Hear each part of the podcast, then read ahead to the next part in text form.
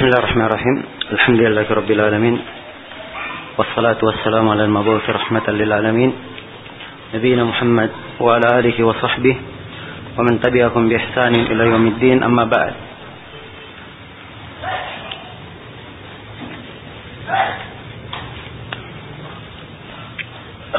Ini majelis yang ke 34 dari penjelasan kitab syarah atau penjelasan kitab Ad-Durrul Bahiyah fil Masail Al-Fiqhiyah karya Al-Imam Asy-Syaukani rahimahullahu taala.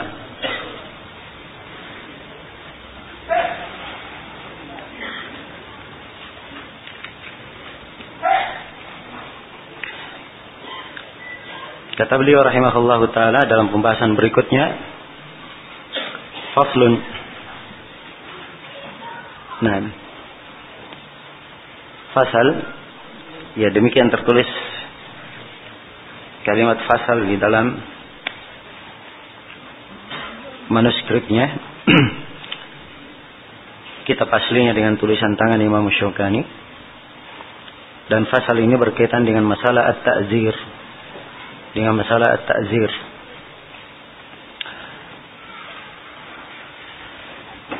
Dan ta'zir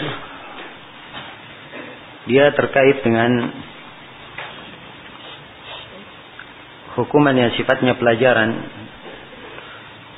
bagi siapa yang dijatuhkan padanya takzir sebagaimana yang kita akan terangkan.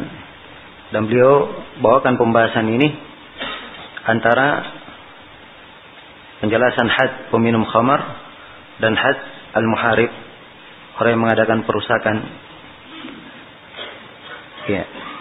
Jadi masih beliau bawakan pembahasan hudud. Dan dimaklumi takzir dia berbeda dengan hudud. Tapi kelihatannya beliau bawakan tentang masalah takzir di sini karena terkait dengan masalah meminum khamar. Hukum yang dijatuhkan 40 dan kalau lebih daripada itu maka dia bisa dimasukkan ke dalam takzir. Karena terkait beliau sebutkan pembahasan maka beliau terangkan tentang masalah takzir ini. Ini mungkin munasabahnya. Iya. Walaupun afdalnya pembahasan takzir ini diletakkan setelah pembahasan al-hudud. At-ta'zir secara bahasa adalah al-mana. Adalah al-mana. Ya, penahanan. Warat dan penolakan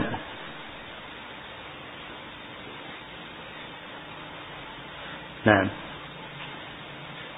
ini makna ta'zir cara bahasa dan secara istilah ta'zir adalah uqubatun ghairu muqaddaratin syar'an tajibu haqqan lillahi aw li adamiyyin fi kulli ma'siyatin laysa fiha haddun wala kaffarah ghaliban ya ta'zir adalah uqubah hukuman gairu muqaddara syar'an yang tidak ditakdir, tidak ditentukan bagaimana bentuknya secara syar'i. Ya. Jelas ya? Ini perbedaannya dengan apa? Al-hudud.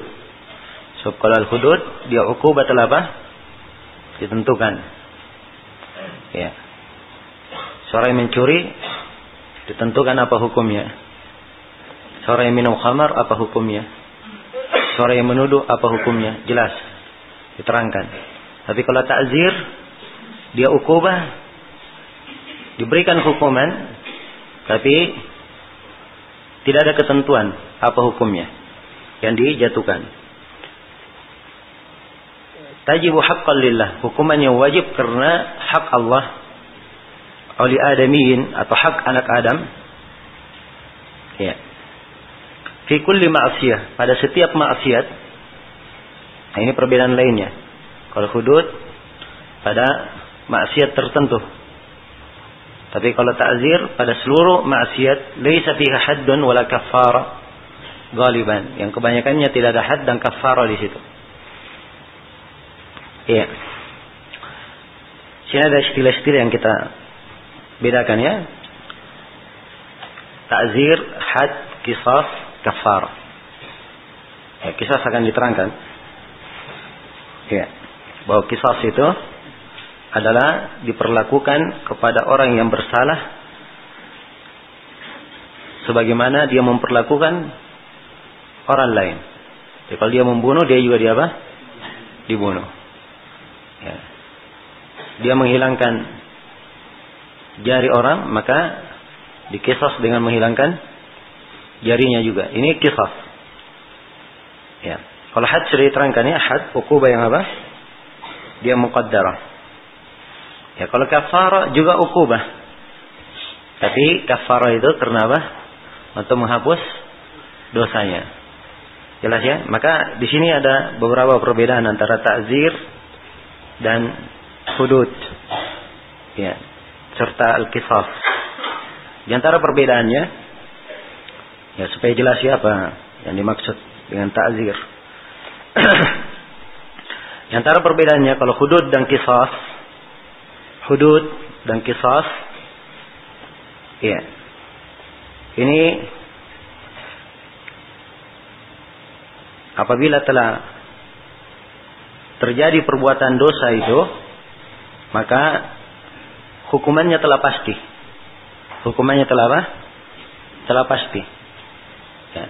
Tidak ada ijtihad maupun pilihan hakim di dalamnya. Ya, jelas? Ini hudud dan apa? Kisah. Ya, kecuali di masalah kisah nanti itu kalau dimaafkan orang yang membunuh maka dia membayar apa? Membayar dia akan datang kita jelaskan. Tapi pemerintah walaupun misalnya di kisah dimaafkan oleh keluarganya, tidak jadi dibunuh, tapi pemerintah bisa memberi takzir tambahan. Kalau dilihat apa? Dilihat dia di dalam bentuk pembunuhannya ada hal yang harus dikasih pelajaran. Jelas ya? Tapi asalnya kisos dan hudud hukumnya telah apa? Telah ditetapkan. Berbeda dengan takzir. Berbeda dengan apa? Berbeda dengan takzir. Takzir yang menentukan pilihan hukumnya adalah siapa? Adalah al-qadhi. Pemerintah yang menentukannya. Sesuai dengan apa yang maslahat di dalamnya. Jelas ya, ini ta'zir. Nah. Jelas? Ya.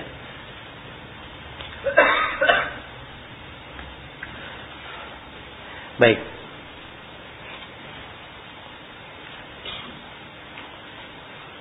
Saya contoh misalnya di apa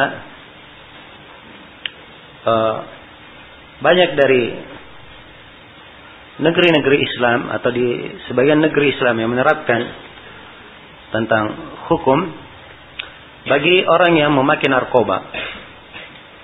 Ya. Ini dijatuhkan hukum takzir sampai dihukum mati. Jelas ya? Kalau dia menyelundupkan, memasukkan maka dia masuk diberikan bisa diberikan sanksi hukum mati. Dan ini peraturan di sebagian negara. Ya. Dan telah berlalu ya, narkoba ini dia mirip dengan apa?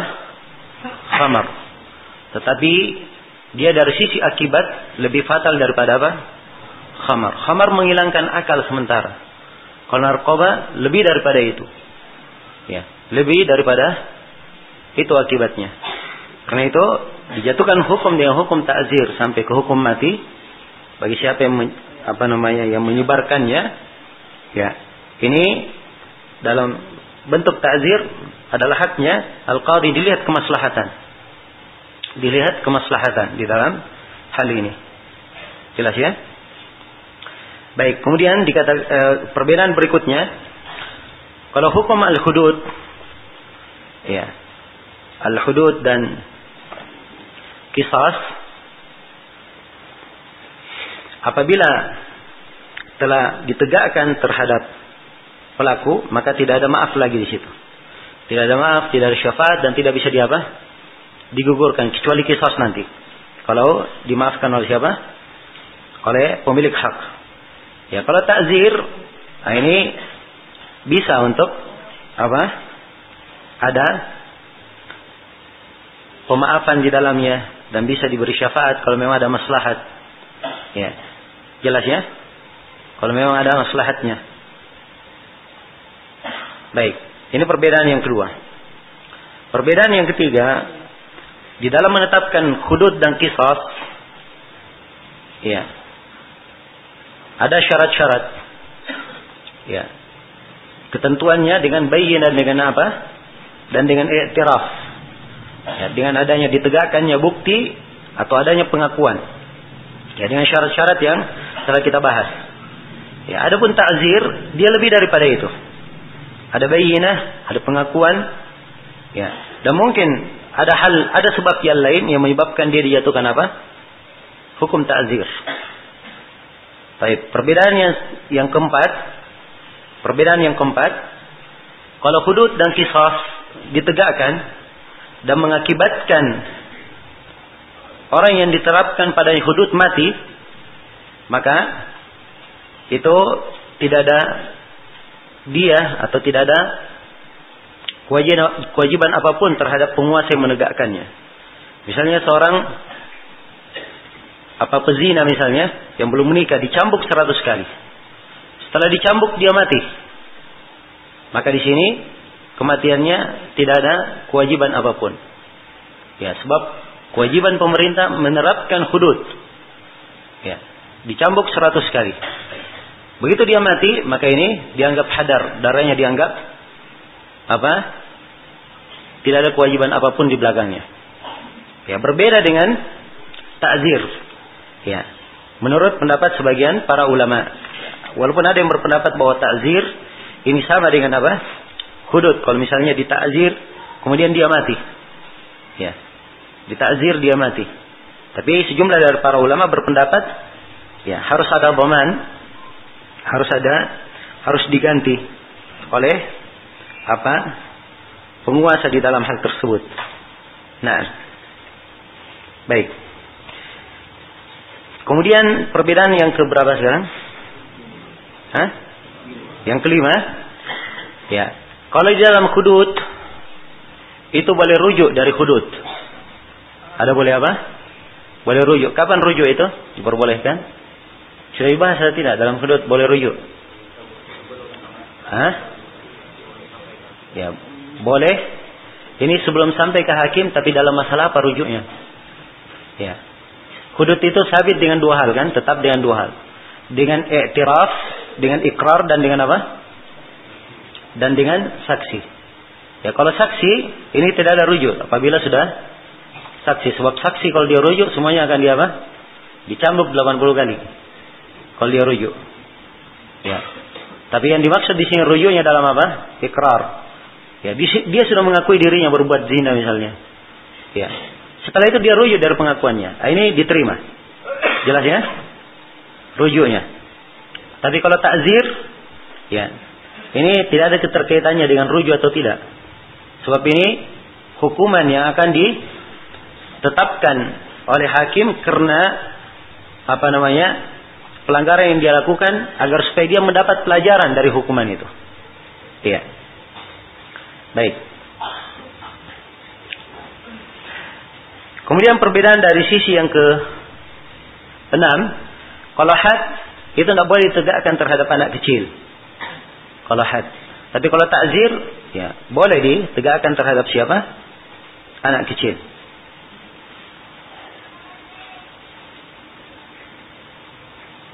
Nah, jadi itu secara global perbedaan antara al-hudud dan apa? At-ta'zir. Hudud, al-qisas, at-ta'zir. Baik.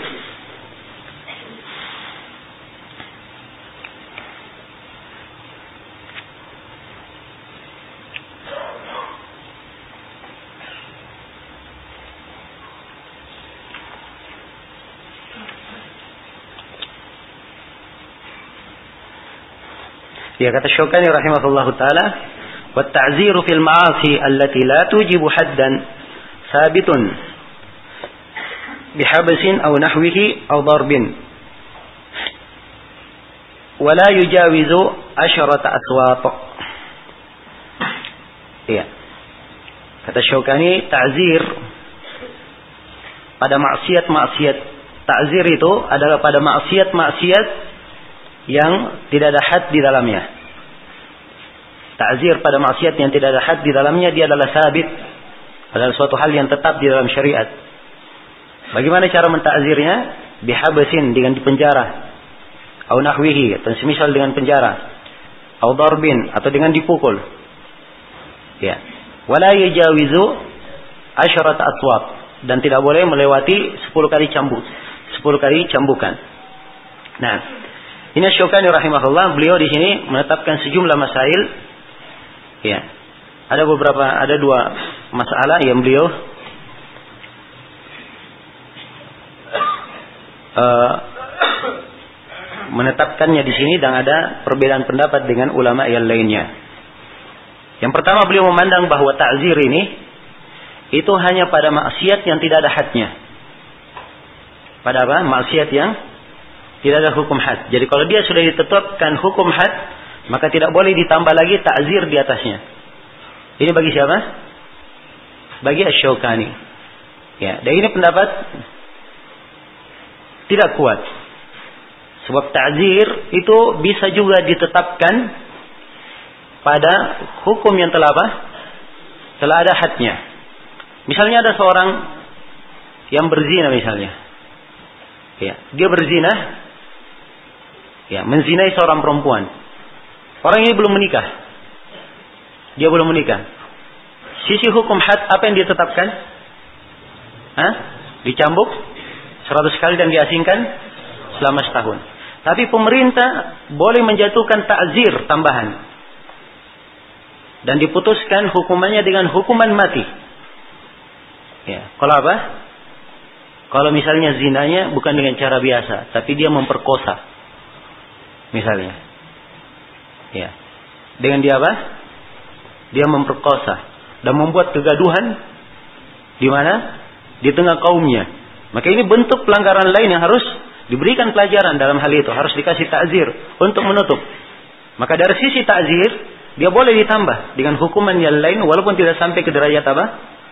Ke derajat dia dihukum mati. Ya, jelas ya? Ini syah untuk memberikan takzir. Sebab memang takzir ya dia tidak diharuskan pada sebuah maksiat yang ada hadnya. Tidak diharuskan pada sebuah maksiat yang ada hadnya dan dia juga tidak khusus pada maksiat yang tidak ada hadnya. Ya, asal dari takzir adalah memberi pelajaran agar supaya seorang itu jerah di dalamnya. Nah, di sinilah letak keindahannya syariat di dalam apa? Mengatur maslahat di dalam hukum. Ya. Jadi ada hukum yang muqaddarah dan ada hukum yang apa? Bisa dikembangkan di situ bagaimana bentuk hukumnya sesuai dengan kemaslahatan. Sesuai dengan kemaslahatan. Karena itu ya. Takzir kadang dari sisi kemaslahatan dia boleh sampai membunuh. Misalnya di pembahasan jihad nanti boleh membunuh mata-mata. Ya. Jelas ya? Boleh membunuh mata-mata. Ya, dan mata-mata itu beraneka ragam. Demikian pula kalau mata-matanya adalah mata-mata muslim, boleh sampai dibunuh. Ya. Ini takzir hukumnya. Boleh sampai apa? Dibunuh. Ya. Kemudian demikian pula orang yang memecah jemaah kaum muslimin. Ya, kalau ada yang memecah jemaah misalnya ingin melakukan kodeta terhadap penguasa, maka dia boleh dihukum secara takzir sampai apa? Sampai ia dibunuh. Kemudian Ya, apa yang disebut oleh Syaukani di sini yang kedua, bahwa tidak boleh lewat 10 cambukan, ini juga tentunya apa diselisih oleh para ulama yang lainnya. Sebab dimaklumi Umar bin Khattab radhiyallahu taala anhu, ya, beliau memukul Sabik berapa kali? Hah? Banyak kali dipukulnya, ya. Berapa kali Sabik itu dipukul? Dan ini hukumannya yang dijatuhkan ke Sabik hukuman apa? Hudud atau takzir? Ya, sifatnya takzir. Jelasnya sifatnya ta'zir. Ya. Nah, karena itulah yang disebutkan oleh uh, Syekhul Islam Ibn Taimiyah rahimahullah bahwa pendapat yang paling adil dan ditunjukkan oleh sunnah Nabi dan para khulafa Rasyidin bahwa takzir itu tidak terbatas pada apa? Ya, ya takzir itu kadang mungkin sampai ke derajat sampai dia dibunuh dan kadang ya, dia ya, di, perlu dicambuk lebih daripada apa? Lebih daripada 10 kali. Nah, dan dimaklumi dalil Asy-Syaukani rahimahullah beliau berdalilkan dengan 10 kali sebab memang ada hadis yang diriwayatkan oleh Imam Al-Bukhari dan Imam Muslim dari Abu Burda bin Niyar di mana Nabi sallallahu alaihi wasallam bersabda la yujladu la yujladu fawqa asyrati aswab illa fi haddin min hududillah. Ya, dalam hadis dikatakan tidak boleh dicambuk di atas 10 kali cambukan kecuali dalam sebuah had dari had-had Allah. Ya. Jadi Syukani memandang had di sini had bermana hudud yang telah diterangkan. Ya. Dan ini tidak seperti pemahaman ulama yang lainnya yang mengatakan bahwa ya boleh lebih dari 10 sebab mereka katakan had di situ bukan artinya apa? Bukan artinya hudud yang di, di dijelaskan, tapi pada sebuah ketentuan dari ketentuan Allah secara umum. Ya. Jelasnya boleh untuk dijatuhkan takzir. Baik.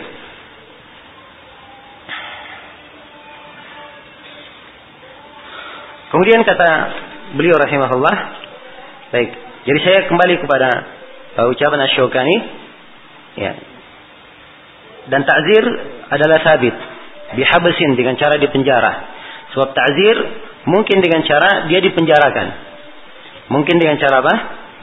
Dia dipenjarakan. Dan mungkin dengan cara dia diberikan hukuman. Ya, diberi hukuman. Nah, dan di sini beliau sebutkan fil ma'asi di dalam maksiat-maksiat. Ya. Maksiat apa saja yang bentuknya dalam maksiat, maka dia boleh untuk dijatuhkan padanya hukum. Ya. Dan di dalam takzir ditegakkan hak Allah atau hak apa? Ya, hak hamba dalam takzir. Nah, Contoh misalnya hal yang berkaitan dengan hak Allah. Ya. Ada yang berbuka dengan sengaja di bulan Ramadan. Ya.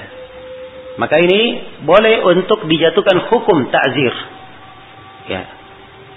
Dia di apa? Dipenjarakan misalnya atau dia dicambuk misalnya. Ya, sebab ini perlu diberi pendidikan.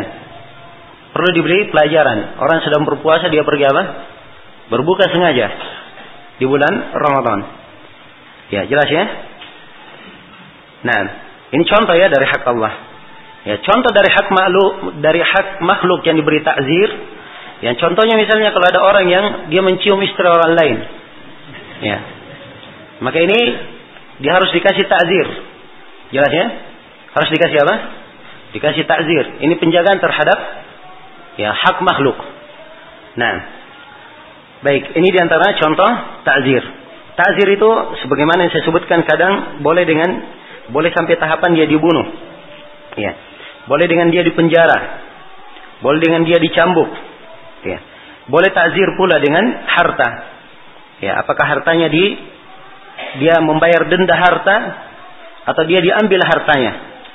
Atau dia diambil apa? Diambil hartanya. Nah, dan ini dari hal-hal yang luas di dalam pembahasan ta'zir. Ya, karena memang dia adalah pembahasan yang luas dan kaitannya secara umum, secara siasa syariah, maka ini tentunya dipertimbangkan oleh pemerintah. Ya, secara khusus di bagian peradilan mereka. Nah, jelas sampai sini ya? Baik. Ya, dan dimaklumi ya jenis-jenis apa kriminal itu berkembang, ya. Cara-caranya beraneka ragam. Ya. Maka di sinilah pentingnya had ta'zir ini sehingga membuat orang itu jerah dan tidak berani melakukan apa?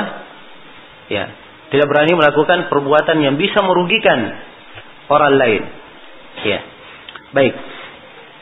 Kemudian kata Syukani rahimahullah beliau menjelaskan pembahasan berikutnya. Kata beliau bab haddil muharib. Ya. Bab had muharib. Muharib adalah orang yang merusak ya, atau orang yang memerangi. Ya. dan tentang muharib ini penjelasannya di dalam Al-Quran. Karena itu Asyukani berkata wa huwa ahadu al-anwa'il madhkurati fil Quran. Ya. Hadnya adalah dengan salah satu perkara yang disebut di dalam Al-Quran. Al-qatlu apakah dia dibunuh? Ya. Awis salbu atau dia disalib atau qat'ul yadi war rijl min khilaf atau dipotong tangan dan kakinya secara bersilang awin nafyu minal ard atau dia diasingkan dari muka bumi. Iya. Ini jenis dari hukuman dipilih dan hukuman ini diterangkan di dalam Al-Qur'an. Allah Subhanahu wa taala berfirman ayatnya di surah Al-Maidah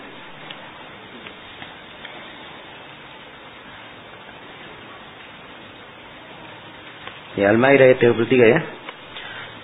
Innama jazaa'ul ladzina yuharibuna Allah wa rasulahu wa yas'una fil ardi fasadan ay yuqattalu aw yusallabu aw tuqatta'a aydihim wa arjuluhum min khilaf aw yunfau min al-ard.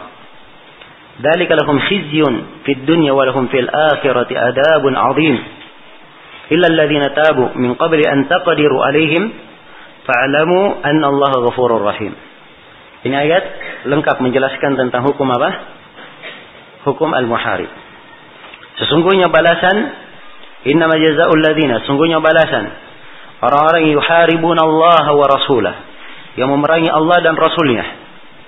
Ya, ini pertama ya bentuknya. Dia memerangi apa? Allah dan rasulnya.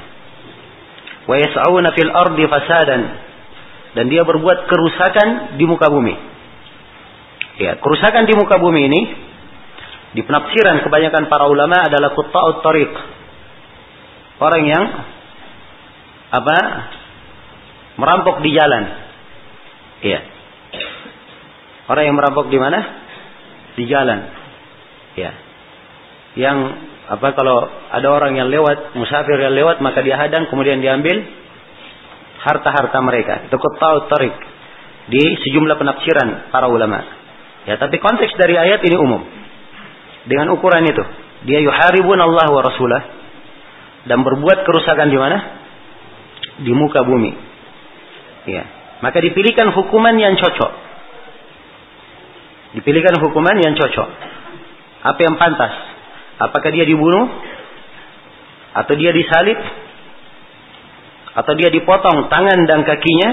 Min khilaf? Atau dia diasingkan dari muka bumi? Di penjara, diasingkan. Jelas ya? Ya, kemudian diterangkan, "Dzalika lakum khizyun fid dunya." Inilah kehinaan untuk mereka di dunia. Walakum fil akhirah adabun azim dan di akhirat kelak mereka mendapatkan siksaan yang sangat besar. Iya. Jelas ya? Maka ini hukum tentang al-muharib. Ya. Orang-orang yang mengadakan kerusakan di muka bumi. Iya. Karena itulah tadi saya apa sebutkan juga bahwa kadang di sebagian keadaan Ya. Sebagian bentuk-bentuk kriminal yang terjadi itu diarahkan kepada bentuk menyebarkan kerusakan di muka bumi. Ya, banyak etibarnya. Seperti tadi saya beri contoh, misalnya tentang masalah apa? Masalah orang yang menyebarkan kemaksiatan. Ya, dia menyebarkan kekejian. Ya. Dia melakukan waliyadzubillah ya perbuatan zina Kemudian dia videokan, kemudian dia gandakan, dia sebarkan. Iya. Maka ini dia bisa diberikan hukuman sampai apa? Dibunuh. Apakah dari sisi takzir ya, atau dari sisi dia berbuat kerusakan apa? Di muka bumi. Dia berbuat kerusakan di muka bumi. Nah, dan beberapa waktu yang lalu ya, Syekh Saleh Al-Luhaidan beliau pernah ditanya di sebagian apa majelis yang dari jawaban beliau ini ya sibuk. Para jurnalis yang menulis di koran menghujat beliau dan apa namanya menyalahartikan ucapan beliau. Ya. Jadi beliau menyebutkan tentang orang-orang yang menulis di berita-berita dan menyebarkan berita-berita yang terdapat di dalamnya kerusakan ya dia menyebarkan tentang perzinahan misalnya atau mengajak kepada kekejian dan seterusnya, maka beliau memfatwakan bahwa yang seperti ini ya itu secara qada dia bisa dia apa? dijatuhkan hukum bunuh. Ya. Jadi beliau sudah takkid bahwa ini secara apa hukum apa? Hukum qada, peradilan ya. Jadi kalau peradilan hukumannya di mana? Peradilan yang menentukan. Kalau memang mereka yang menegaskan dan melihat keadaan. Mereka sebarkan bahwa Ya, Syekh Syekh Hidan itu memberi fatwa untuk membunuhi para jurnalis. Ya. Dan kalimat macam-macam mereka sebutkan. Ya. Inilah hal-hal yang kadang muncul, subhanallah, dari sebagian orang yang tidak mengambil nasihat. Tidak mengambil nasihat. Iya. Padahal, ya, fatwa beliau pada tempatnya. Pada tempatnya. Sebab ini memang kemaslahatan dijaga di dalam syariat kita. Dijaga dan diperhatikan di dalam syariat kita agar supaya tidak terjadi kerusakan di muka bumi. Iya. Jelas ya?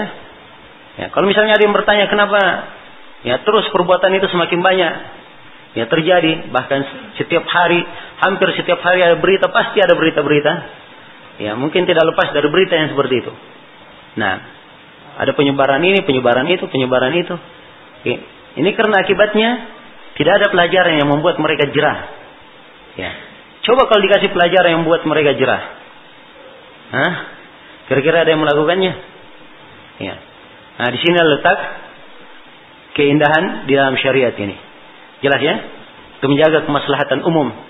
Ya, menjaga akal manusia, menjaga kehormatan mereka dan menjaga agama mereka.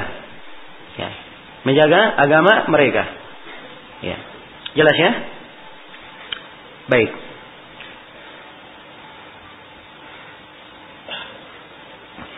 Kemudian kata Syukari rahimahullah, jadi dilihat untuknya salah satu dari hukum-hukum yang disebut. Apakah dia dibunuh, disalib, atau dia dipotong tangan dan kakinya, atau diasingkan dari muka bumi.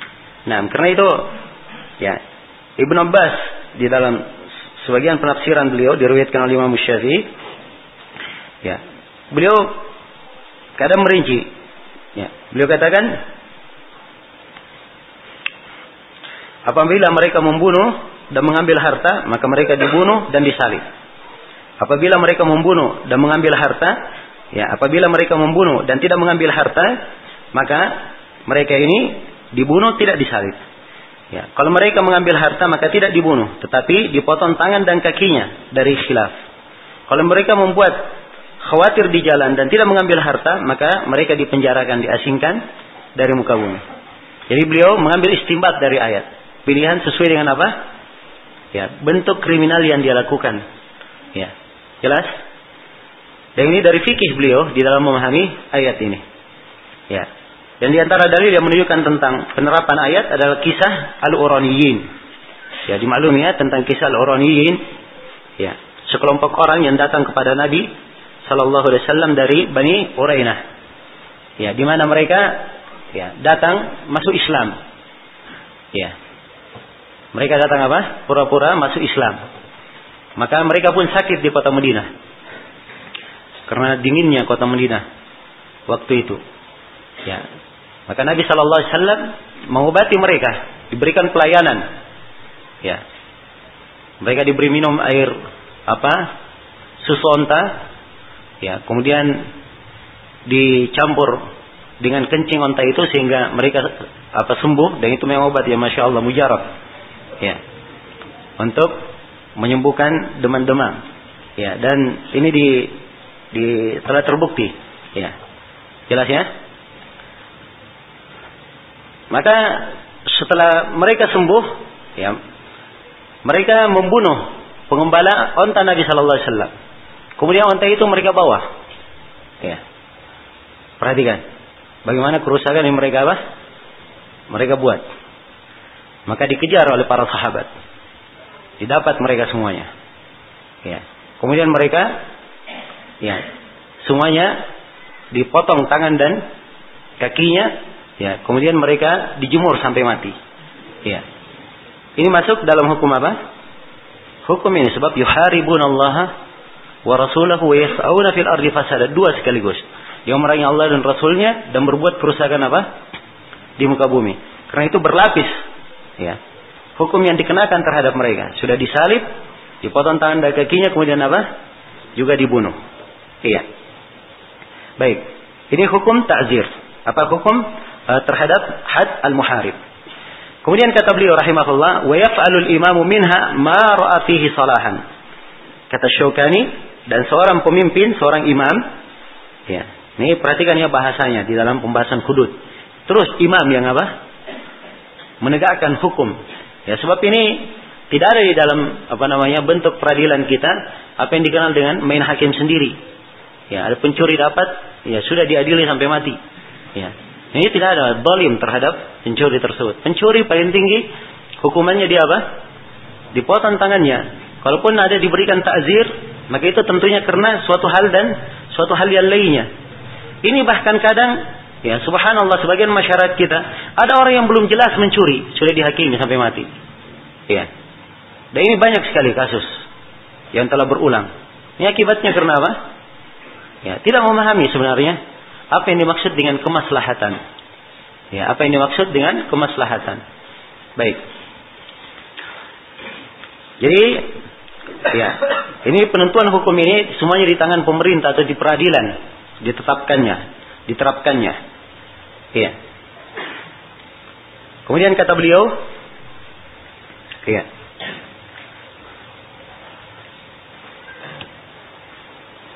Nah, seorang imam yaf'alul imam minha maratihi salahan. Seorang imam melakukan apa yang dia pandang maslahat. Likulli man qata'a tariqan. Pada setiap orang yang apa merampok di jalan atau menjegal di jalan. Walau fil misr walaupun dia di dalam di dalam kota. Ya. Walaupun dia di dalam kota. Ini tidak, diharap di, diharuskan. Ya. Dia penjegal jalan di mana di di luar kota, walaupun dia di dalam kota. Idza kana qad sa'a fil ardi fasadan, sebab dia telah apa? Telah melakukan kerusakan di muka bumi. Ya. Telah melakukan telah berbuat kerusakan di muka bumi.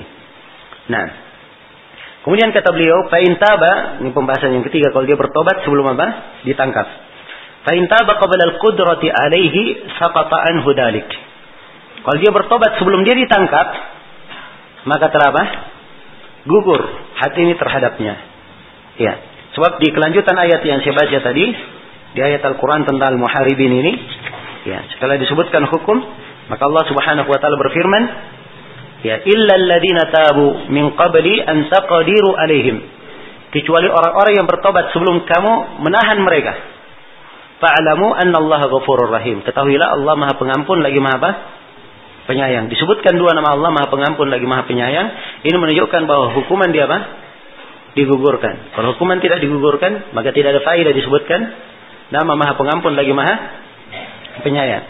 Ya, dan dimaklumi ya bahwa penggunaan nama-nama Allah dalam setiap ayat di akhir dari ayat yang disebutkan nama Allah ini Ar-Rahman Ar-Rahim misalnya Al-Ghafurur Rahim, Al-Aziz, Al-Hakim. Ini semuanya punya keterkaitan dengan ayat. Ya, keterkaitan dengan ayat. Jelas ya? Karena itu di kisah yang ma'ruf. Ya seorang Arabi ya pernah mendengar ada orang yang membaca ayat. Ya wasariq wasariqatu faqata'u aydiyahuma. Ya. Faqata'u aydiyahuma jazaan bima kasaba nakalan min Allah terus dia baca wallahu ghafurur rahim. Ya. Arabi langsung berkata kamu salah. Ya membaca Al-Quran itu. Ya. Ayatnya kamu salah membacanya Padahal dia tidak hafal ayat itu. Ya. Dia langsung berkata, kamu salah. Ya. Coba kamu perhatikan lagi ayat yang kamu baca. Maka orang ini dia kira diri sudah benar, dia buka, oh ya memang ternyata dia salah. Ya. Dia luruskan bacanya, yang salahnya di belakang. Ya. Dia tadinya baca wallahu ghafurur rahim. Ya. Di akhirnya dia luruskan wallahu azizun hakim. Nah, kata Arabi sekarang baru benar. Ya. Dia aziz ya. Punya keagungan karena itu dijatuhkan hukum potong tangan. Hakim ya hukumnya adalah penuh dengan kebijaksanaan. Itu baru cocok. Kalau disebutkan pencuri laki-laki dan perempuan yang mencuri maka dipotong tangannya. Itu adalah e, balasan dari Allah dan adab bagi mereka. Kemudian disebutkan dan Allah maha pengampun lagi maha penyayang. Ini tidak cocok keterkaitannya dengan apa ayat. Maka Arab langsung paham dia. Kamu pasti salah baca. Ya. Jelas ya karena itu keterkaitan dengan ayat ini dalam memahami fikih Asmaul Husna ini apa memberikan seorang itu keindahan di dalam memahami dan mendengarkan apa ayat-ayat Al-Qur'an. Jelas ya? Sama di sini ketika disebutkan innallaha ghafurur rahim berarti ini orang yang ditangkap atau orang yang bertobat sebelum dia ditangkap itu dia apa? Dimaafkan. Karena itu fikih yang disebutkan di sana para ulama kalau dia bertobat sebelum ditangkap maka gugur kewajiban had terhadapnya, gugur hukum had terhadapnya. Baik. Kemudian kata Syaukani rahimahullah dalam bab berikutnya. Babu man yastahiqqul qatla haddan. Ya, bab siapa yang berhak untuk dibunuh secara had. Iya, di sini beliau mengkhususkan bab ini seakan-akan beliau memberikan kesimpulan. Memberikan apa? Memberikan kesimpulan terhadap pembahasan-pembahasan yang telah lalu dan melengkapi pembahasan di dalam masalah al-hudud ini. Ya, rincian golongan orang yang dibunuh secara had. Beliau kata berkata huwal harbiyu wal murtaddu was sahir wal kahinu was sabu lillahi aw li rasulih sallallahu alaihi wasallam aw lil islami aw lil kitabi aw lis sunnati wat ta'inu fid dini waz zindiku ba'da istitabatihim waz zani al muhsan wal luti mutlaqan wal muharib. Ini 10 orang disebutkan di sini. Yang apa? dibunuh dengan hukum had. Yang pertama adalah apa?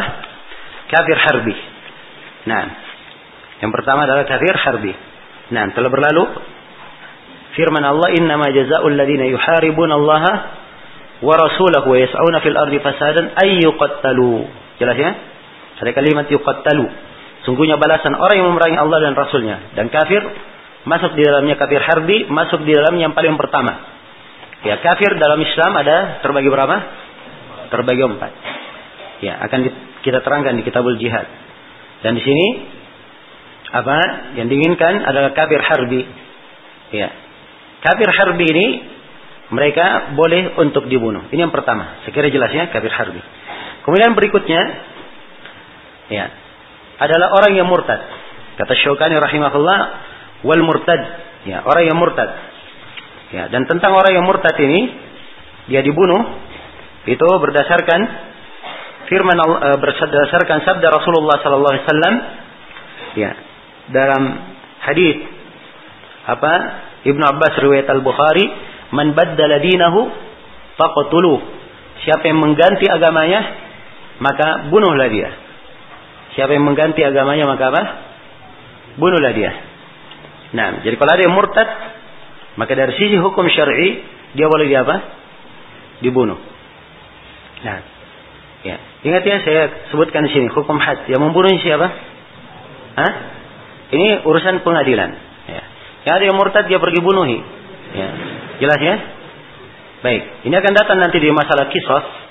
Ya. Dia kalau membunuh seorang karena dia murtad, ya, dia bunuh, dia sendiri yang membunuh bukan pengadilan, ya, maka itu dilihat. Kalau dia punya saksi bahwa orang ini murtad, maka dia tidak dibunuh dengannya. Tapi kalau dia tidak punya saksi, maka asalnya dia adalah apa? Adalah muslim. Karena itu hati-hati di dalam masalah membunuh. Sebab kalau sudah diangkat ke pengadilan, maka diperiksa saksinya. Ya, itu pun kalau dia punya saksi bahwa orang ini murtad, dia dibebaskan dari hukum bunuh, tapi pemerintah berhak memberikan hukum takzir kepadanya. Sebab dia telah melanggar wewenang siapa? Wewenang pemerintah. Iya. Baik. Kata beliau berikutnya yang ketiga wasahir. Ya, yang ketiga adalah tukang sihir. Ya, ini tukang sihir lakunya ya boleh untuk dibunuh. Boleh untuk dibunuh. Ya. Dan masalah dibunuhnya ini adalah hal yang apa disepakati atau di, merupakan pendapat kebanyakan para ulama tentang dibunuhnya. Dan mereka berdalilkan dengan hadis ya yang hadis ini uh, didukung oleh fi'il para sahabat haddus sahiri darbatun bisayf ya hukuman seorang yang ber, yang melakukan sihir seorang penyihir dia dipenggal dengan pedang. Ya dan telah syah dari tiga orang sahabat. Mereka ya memenggal apa membunuh tukang sihir. Ya, membunuh tukang sihir. Dan apa yang mereka lakukan ini? Kalaupun mereka bunuh seperti yang saya terangkan tadi, maka mereka ini apakah punya wilayah kekuasaan atau telah diizinkan oleh penguasa untuk apa? melakukannya. Jelas ya? Baik, ini tukang sihir, as-sahir. Berikutnya adalah al-kahin, itu kan ramal. Nah, ya al-kahin atau yang melakukan kahana, ya, dan dia adalah bentuk dari kekufuran juga masuk di dalam perdukun, perdukunan, ya kahin juga perdukunan. Ini dari bentuk uh, kekufuran dan Nabi Shallallahu Alaihi Wasallam telah bersabda, ya di dalam hadits yang diriwayatkan oleh Abu Dawud, Ahmad dan selainnya, ya beliau menyatakan man atakahinan aw arrafan faqad kafara bima unzila ala Muhammad sallallahu alaihi wasallam. Siapa yang mendatangi seorang kahin, ya seorang apa dukun atau arrafan atau seorang peramal, maka dia telah kafir, ya terhadap apa yang diturunkan kepada Nabi Muhammad sallallahu alaihi wa alihi wasallam. Baik. Ini jelas ya. Kemudian berikutnya wasabulillahi, orang yang mencelah Allah, Rasulnya, Islam, ya atau Al-Quran dan As-Sunnah. Dia ada mencela hal ini, salah satu dari hal ini, maka ini telah menyebabkan dia kafir keluar dari Islam. Ya dan dimaklumi ya, ini hukum di dalam masalah orang-orang yang murtad, orang-orang yang batal keislamannya. Nah, orang yang seperti ini, ini boleh dijatuhkan apa? Hukum mati kepadanya. Ya, secara takzir, secara takzir ya maupun uh, di sini Syukani menyebutkan secara had. Ya secara had. Dan beliau menyebutkan hadis di sini yang menunjukkan bahwa dia adalah had dihukumi sebagai had. Ya namun hadis-hadis yang beliau sebutkan ya ini apa namanya uh, perlu di, dilihat kembali dari sisi keabsahan sanatnya. Tetapi tentang membunuh orang-orang yang mencelah Nabi Shallallahu Alaihi Wasallam ya dan seterusnya ini dari hal yang tidak ada silam pendapat di kalangan para ulama. Baik. Kemudian berikutnya yang keenam ya, tentang orang yang menjelekkan agama, at-ta'in Orang yang menjelekkan agama, mencerca agama. Iya. Orang yang mencerca agama. Nah, ini juga boleh diperlakukan. Ini juga termasuk yang disebut orang yang berhak untuk dibunuh secara had. Ya, kemudian berikutnya wa zindiq. Apabila telah diminta taubat, zindiq ini munafik. Yaitu bahasa lain dari apa? Munafikin, orang yang menampilkan Islam tapi menyembunyikan apa? Ya, kekufuran. Dan ini para zindiq. Nah. Ya. Dan berbeda pendapat para ulama. Apakah zindiq ini ya, apakah zindiq ini dimintai tobat sebelumnya atau tidak? Ya. Apa dimintai tobat sebelumnya atau tidak? Jelas? Sebab para zindik ini gangguannya terhadap umat Islam itu kadang lebih berbahaya daripada gangguan orang-orang kafir. Ya, jelas ya? Kadang bahaya mereka lebih bahaya daripada Yahudi dan Nasara. Ya, sebab mereka memakai pakaian apa? Pakaian Islam. Ya, berlebar dengan label Islam. Ya, tapi mereka menghancurkan Islam dari dalam. Inilah kaum zindikun yang sekarang banyak bertebaran. Ya.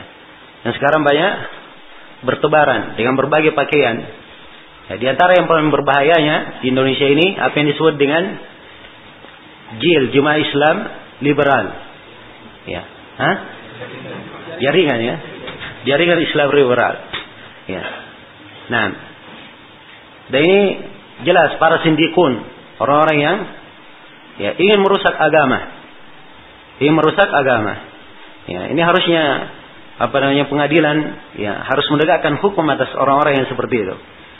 Nah, naudzubillah kalau misalnya ada dari tuntunan agama misalnya dibahasakan dengan bahasa-bahasa ya yang mengandung kekufuran di dalamnya.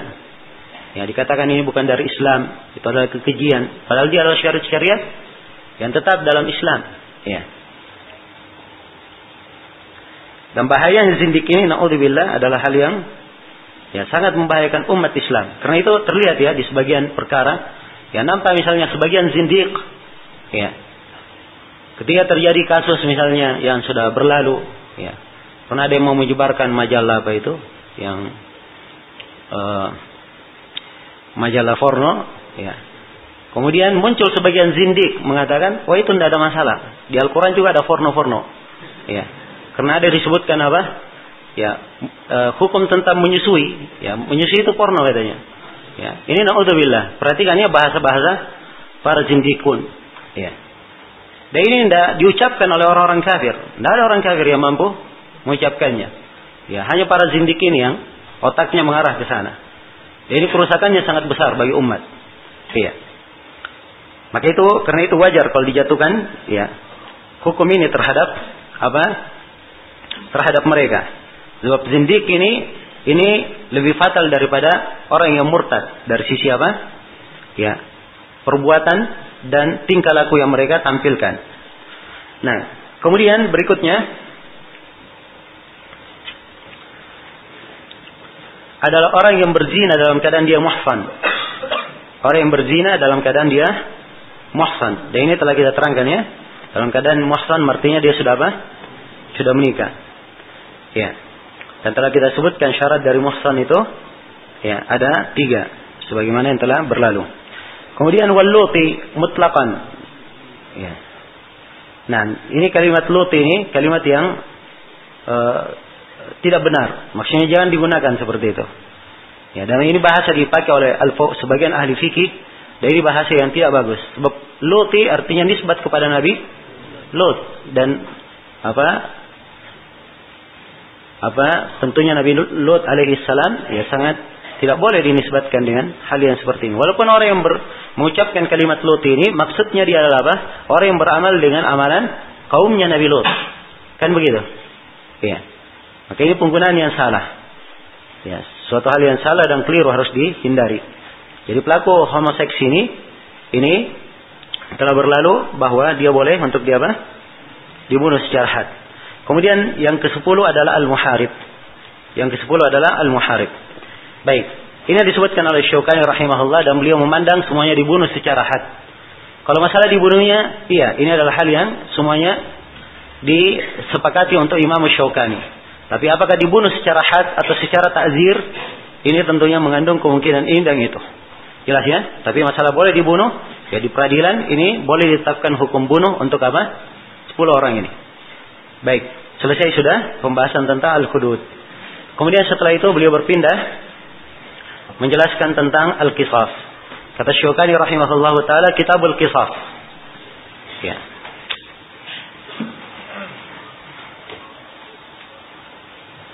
Kitab tentang apa? Al-Qisas. Ya.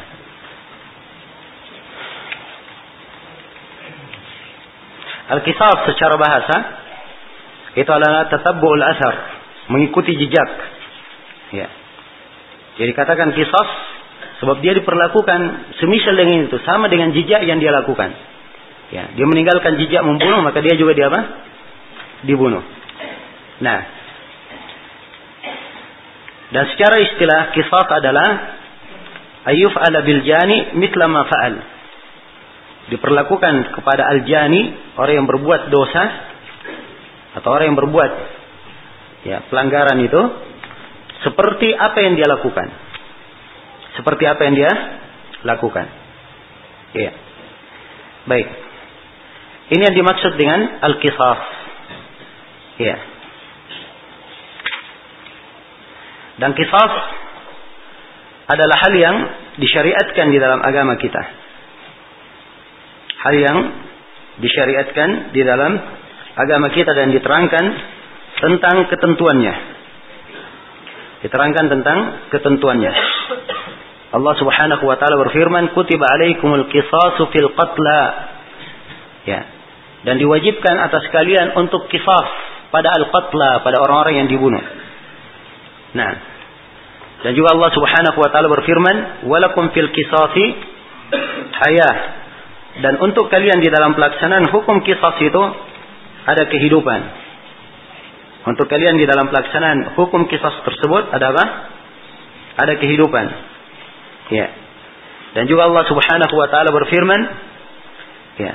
'alaihim fiha anna an-nafs bin-nafs wal 'ayna bil-'ayn wal-anfa bil-anfi wal udhuna bil udhuni was sinna. Dan kami tetapkan atas mereka di dalamnya bahwa jiwa dibayar dengan jiwa. Mata dibayar dengan mata, hidung dibayar dengan hidung, telinga dibayar dengan telinga, gigi dibayar dengan gigi, dan luka-luka ada kisah di dalamnya. Ada kisah di dalamnya. Nah, ya.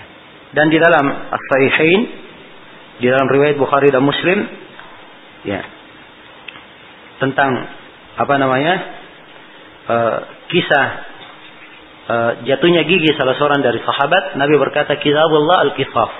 Di dalam kitab Allah disebutkan kisah. Disebutkan tentang apa? Tentang kisah. Maka kisah ini adalah hal yang dijelaskan ya di dalam Al-Quran dan diterangkan disyariatkannya. Dan di dalam hadis juga yang diriwayatkan oleh Imam Al-Bukhari dan Imam Muslim dari hadis Ibnu Mas'ud Rasulullah bersabda, "La yahillu damu mri'in muslimin illa bi ihda thalath." Tidak halal darah seorang muslim kecuali salah satu dari apa? Dari tiga. Nah, yang pertama adalah apa? An-nafsu bin nafs. Ya. Karena dia membunuh apa? Jiwa dibalas dengan jiwa. Dia membunuh jiwa, maka juga ya, dia dibunuh sama dengannya. Dan di dalam As-Sahihain juga dalam riwayat Bukhari dan Muslim dari hadis Abi Hurairah Rasulullah sallallahu alaihi wasallam bersabda man qutila lahu qatil fahuwa bi khairin nadharaini. Siapa yang dibunuh ya untuknya atau dibunuh darinya seorang keluarga yang terbunuh maka dia memilih dari dua yang terbaik dua pandangan yang terbaik. Imma yaftadi wa imma ayyaqtul apakah dia minta fidyah ya atau minta fidyah ini maksud dengan apa? Dia atau dia minta agar supaya dia dibunuh yaitu dikisah jelas ya? Maka ini yang disebut di dalam Al-Quran tentang Al-Qisas ya dia dibunuh semisal dengan itu kalau dimaafkan maka Allah telah berfirman min akhihi syai'un fattiba'un bil ma'rufi wa ada'un ilaihi bi ihsan. Siapa yang dimaafkan untuknya dari saudaranya ya dimaafkan darinya sesuatu maka disebutkan fattibaun ilaihi bil ma'ruf. Diikuti dengannya dengan hal yang ma'ruf. Wa adaun ilaihi bi ihsan. Maksudnya dia membayar dia. Ya di dalam hal ini. Baik. Ini sebagian ketentuan-ketentuan yang menjelaskan tentang hukum-hukum apa? Al-Qisas. Ya. Hukum Al-Qisas. Baik. Ya. Asy-Syaukani rahimahullahu taala menjelaskan di sini setelah kita terangkan pembahasan pertama dalil-dalil tentang kewajiban kisah. Sekarang beliau terangkan tentang syarat-syarat orang yang dikisah. Kata beliau yajibu 'alal mukallaf al-mukhtar al-amid idza ikhtara dzalika al-waratha wa illa falahum talabud diyah. Wajib kisah itu dijatuhkan terhadap mukallaf. Orang yang mukallaf mukhtar. Dia lakukan dengan sengaja bukan terpaksa. Amid.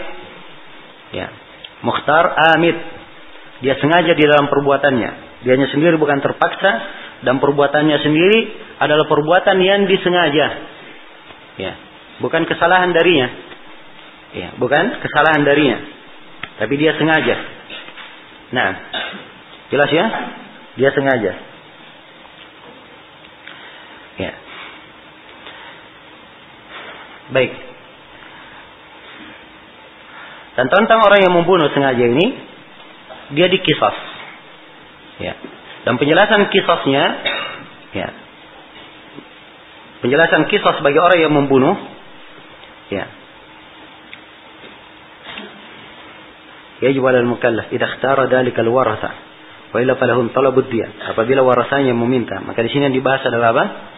Kisas dalam membunuh. Sebab kalau yang dipotong apa namanya yang ter, yang di pada anggota tubuh, pada badan ini akan disebutkan oleh Syaukani penjelasannya. Jadi sini beliau menyinggung tentang orang yang dibunuh. Ya. Tentang orang yang dibunuh. Ya, sebelum saya terangkan harus diketahui ya bahwa ya, dalam pembunuhan itu terkait dengan tiga hak. Terkait dengan apa? Tiga hak. Ada hak Allah di dalamnya. Ya. Ada hak orang yang terbunuh Tidak ada hak keluarga yang dibunuh. Jadi terkait dengan apa? Tiga hak. Hak Allah itu bisa gugur kalau dia apa? Bertobat kepada Allah. Jelas? Bertobat kepada Allah. Nah, adapun hak keluarga yang dibunuh, maka itu bisa gugur dengan cara dia dikisah atau dia membayar dia atau dia dimaafkan. Ya, atau uh, dia dia dikisah atau dia membayar dia. Nah, adapun hak orang yang dibunuh, maka ini adalah antara dia dan antaranya pada hari kiamat. Dan kalau dia jujur dalam tobatnya, maka Allah akan membantunya menyelesaikan masalahnya pada hari kiamat. Jelas ya? Ya. Kemudian membunuh itu sendiri di kalangan kebanyakan para ulama, ini kita berpendapat uh, menyebut di kalangan apa? Kebanyakan para ulama bahwa membunuh itu terbagi tiga. Ada membunuh dengan sengaja, ada membunuh mirip dengan sengaja, dan ada membunuh tidak sengaja atau apa? Ya, membunuh karena kesalahan. Ya. Dia salah. Ya. Kalau, kalau dibahasakan tidak sengaja itu lebih bagus ya. Dia membunuh tidak sengaja. Jelas? Ini tiga. Tiga pembagian. Ya. Dan ini pembagian yang dipegang oleh kebanyakan ulama. Di kalangan orang-orang ya, mereka hanya kenal dua saja. Membunuh sengaja dan membunuh apa? Tidak sengaja. Berdasarkan nas Al-Quran. Sebab memang di Al-Quran hanya disebutkan apa? Dua. Yang pertama disebutkan dulu membunuh tidak sengaja. Allah berfirman, "Wa ma kana lil mu'minin ay yaqtula mu'minan illa khata'a." Tidaklah seorang mukmin itu membunuh mukmin yang lainnya kecuali apa? Dalam keadaan tidak sengaja. Ya. Kemudian diterangkan bagaimana hukum orang yang membunuh tidak sengaja ini. Apa yang harus dia apa? Apa sanksi yang harus dia tanggung? Ya. Apa sanksi yang harus dia tanggung? Setelah itu di ayat berikutnya disebutkan waman yaqtul mu'minan muta'ammidan Siapa yang membunuh jiwa seorang muslim dengan sengaja, maka inilah yang disebutkan hukuman yang berat untuknya. Jelas ya? Baik. Ini dua yang disebut dalam Al-Quran. Adapun yang mirip sengaja, itu disebutkan di dalam hadis Rasulullah Sallallahu Alaihi Wasallam. Hadisnya dikeluarkan oleh Imam lima kecuali At-Tirmidzi dari Abdullah bin Amr bin As dan hadisnya disahihkan oleh Syekh Al Albani. Rasulullah Sallallahu Alaihi Wasallam bersabda, "Ala inna qatil al khatai ya shibah al-amt qatilus sauti qatilus sauti wal asa. Fihi mi'atun min al-ibil minha arba'una fi butuniha auladuha. Ya kata beliau ketahuilah sesungguhnya siapa yang dibunuh tidak sengaja mirip sengaja. Ya jadi sebut di sini mirip apa? Sengaja. Ini shibah al-amt berarti ini bagian yang ketiga ya bagian yang ketiga Ya dikasih contoh seperti orang yang terbunuh karena apa? Karena cambuk dan karena tongkat. Ya biasanya kalau orang dicambuk dia mati atau tidak? Ya tidak mati. Tapi ini dicambuk langsung mati. Ya jelas? Maka ini dianggap apa? Mirip sengaja. Ya. Kalau dikatakan tidak sengaja dia cambuk, kan begitu? Ya. Kalau dikatakan dia sengaja, ya, juga dia tidak berniat apa? Membunuhnya. Ya berarti dia apa? Mirip sengaja. Maka diberikan ketentuan oleh Nabi, dia membayar berapa? 100 onta. Ya. Dia membayar 100 onta. Ya. Dari onta ini, ya, dari onta ini 40 onta sedang hamil di dalam perutnya. Ya. Ini dilebihkan ya di atas orang yang membunuh tidak sengaja. Ya, kalau orang yang membunuh tidak sengaja, maka dia juga membayar 100 onta, membayar dia. Sebab dia itu akan diterangkan di bab dia ya. Dia itu ya dengan 100 onta dan ada rincian-rincian akan kita terangkan. 100 onta 200 apa namanya kerbau atau 1000 uh, apa namanya uh, kambing ya. Dan seterusnya dari keterangan di dalam dia ya. Jelas ya? Baik. Saya belum selesai. Atau sekarang ada salah paham memahami ya. Saya belum selesai membahas masalah dia ya akan kita terangkan siapa yang menanggung ini akan kita jelaskan siapa yang menanggungnya. Jelas ya? Baik. Jadi secara global ya pembunuhan itu ada tiga bentuk di dalam syariat kita. Yang pertama adalah membunuh dengan apa? Sengaja. Yang kedua, mirip sengaja. Yang ketiga, tidak sengaja. Jelas. Baik, sekarang kita mulai yang pertama. Membunuh dengan apa? Sengaja. Ya. Orang yang membunuh secara sengaja itu dalam istilah para pokoha, orang yang membunuh jiwa yang maksum. Ya. Dia membunuhnya dengan sengaja. Membunuhnya dengan sengaja dengan alat yang dugaan besarnya dia akan mati dengan alat tersebut. Ya, jelas ya, itu definisinya. Ya, maka dari definisi ini nampak bahwa membunuh dengan sengaja itu dianggap dia membunuh dengan sengaja itu kalau terpenuhi beberapa syarat. Syarat yang pertama ada maksud dari si pembunuh untuk membunuh. Itu syarat yang pertama, ada maksud dari si pembunuh. Kemudian syarat yang kedua, orang yang dibunuh itu adalah siapa? Hah? Anak Adam yang maksum darahnya. Yang apa? Maksum darahnya, terjaga darahnya. Ya. Maksudnya dia adalah apa? Seorang muslim. Ya, kemudian yang ketiga, ya. Dia membunuh dengan alat yang secara kebiasaan itu alat akan membunuh. Ya. Jelas ya? Apakah ya, benda tajam maupun selain dari benda tajam. Tapi biasanya kalau dipakai dengan alat itu biasanya apa? Orang itu mati. Jelas sampai sini? Baik. Jadi kalau syarat ini tidak terpenuhi, ya, maka dia tidak dianggap membunuh apa? Membunuh sengaja. Ya. Dan membunuh sengaja ini para ulama sebutkan sembilan bentuk. Ya, yang disebutkan bahwa ini masuk di dalamnya membunuh dengan sengaja. Ya, menurut istiqra, penelitian. Ya, dan apa yang terjadi setelahnya itu dikiaskan dengan ini. Nah, yang pertama dia membunuh yang di, di antara bentuk yang sengaja yang pertama ya, dia melukai pada badan ya, orang tersebut ya dengan pisau dan dengan apa namanya duri atau semisalnya yang akan keluar darinya darah sehingga apa? membunuhnya. Nah, itu yang pertama. Ya, dia bunuh pada bagian yang kalau dilukai di situ akan mengalirkan darah sampai dia apa? Dia mati.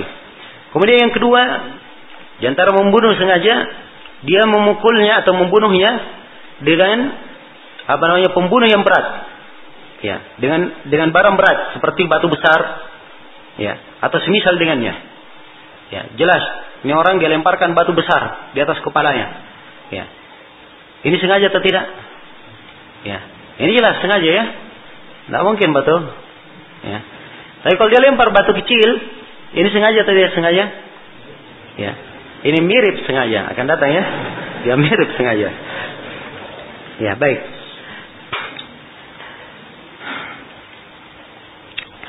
Kemudian yang ketiga, ya, di antara bentuk membunuh sengaja, dia lempar ke hewan, ke binatang buas. Ya, misalnya dia lempar di depan singa, ya, atau dia dijatuhkan di tengah ular kobra, ya misalnya. Maka ini jelas dia membunuh dengan apa? Sengaja. Ya. Kemudian yang keempat, ya dia melemparkannya ke dalam api, ya atau ke dalam air yang menyebabkan dia ini tenggelam dan tidak mungkin dia lepas darinya.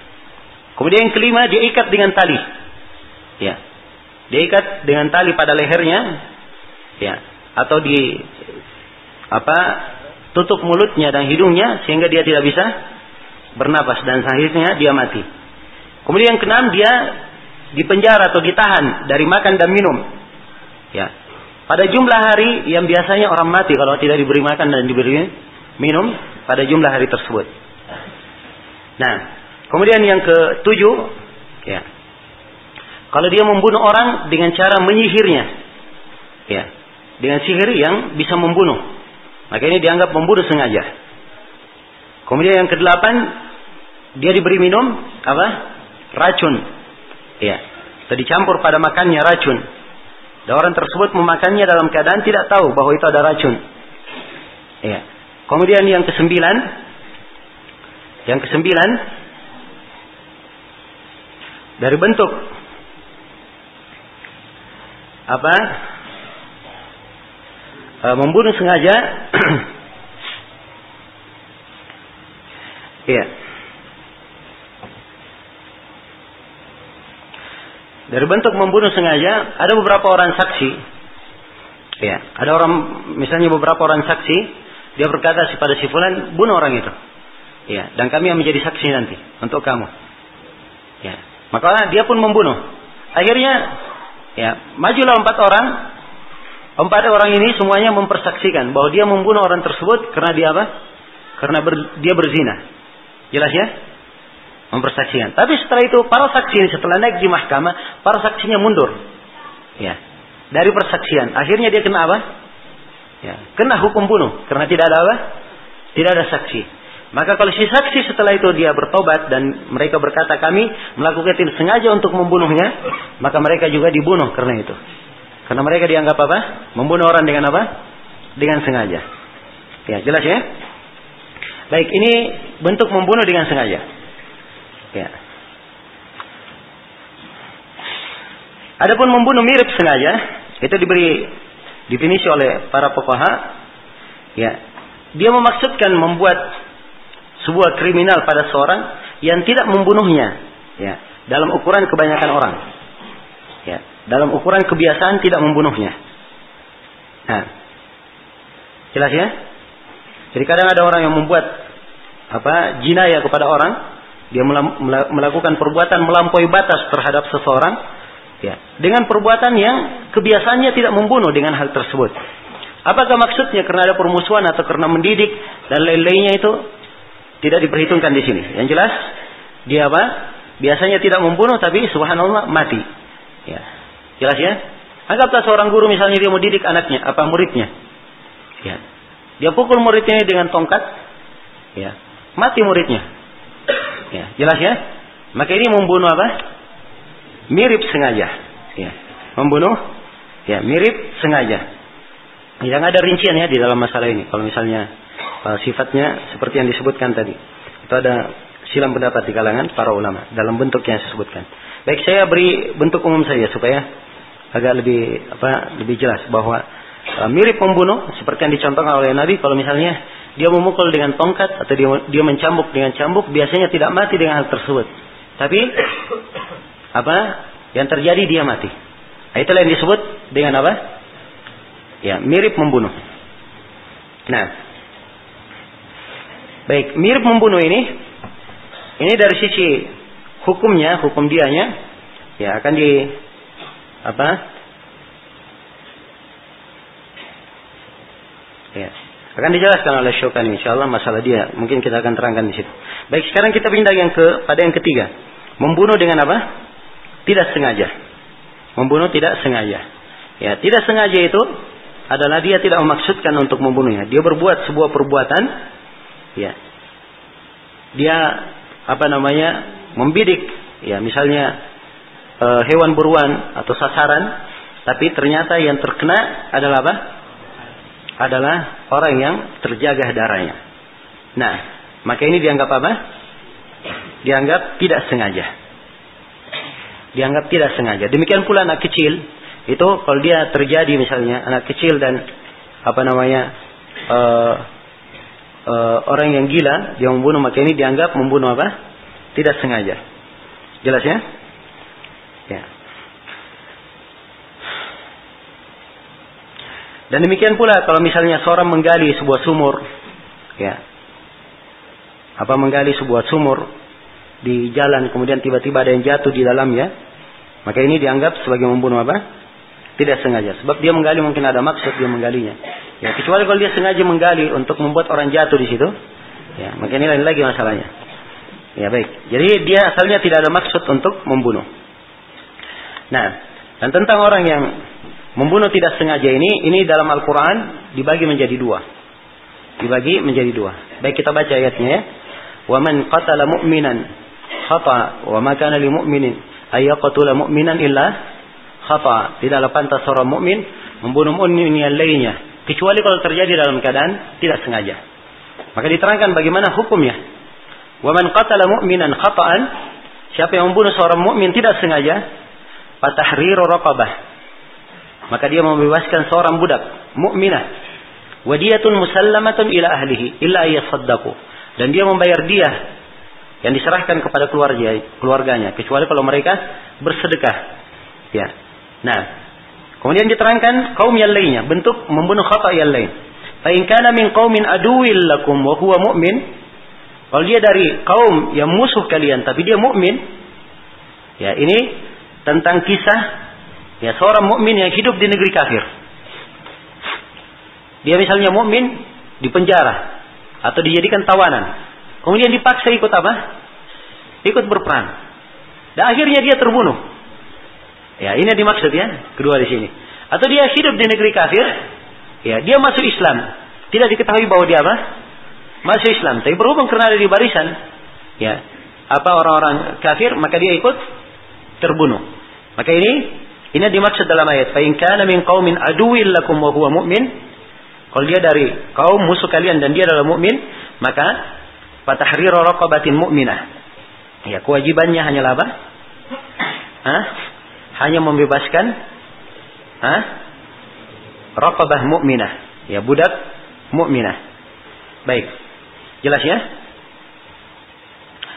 Ya, kemudian dikatakan wa in kana min qaumin bainakum wa bainahum mitsaq fadiyatun musallamatun ila ahlihi wa tahriru raqabatin mu'minah. Ya. Dan kalau dia adalah dari kaum antara kalian dan antara mereka ada perjanjian. Nah, ini dia membunuh dari orang yang ada perjanjian padanya, ada muahad dengannya. Ya. Ada muahad. Dia terbunuh di di di situ fadiyatun musallamatun ila ahlihi wa tahriru raqabatin mu'minah. Maka dia menyerahkan dia yang diserahkan kepada keluarganya ya, dia yang diserahkan kepada keluarganya dan dia membayar apa? Eh, dan dia juga membebaskan seorang budak. Jadi ini asalnya dia sebutkan disebutkan di sini apa? Dia ada yang disebutkan juga apa? e, membebaskan budak. Ya, kalau dia itu akan diterangkan nanti. Dia itu ditanggung oleh apa? Oleh al-akilah.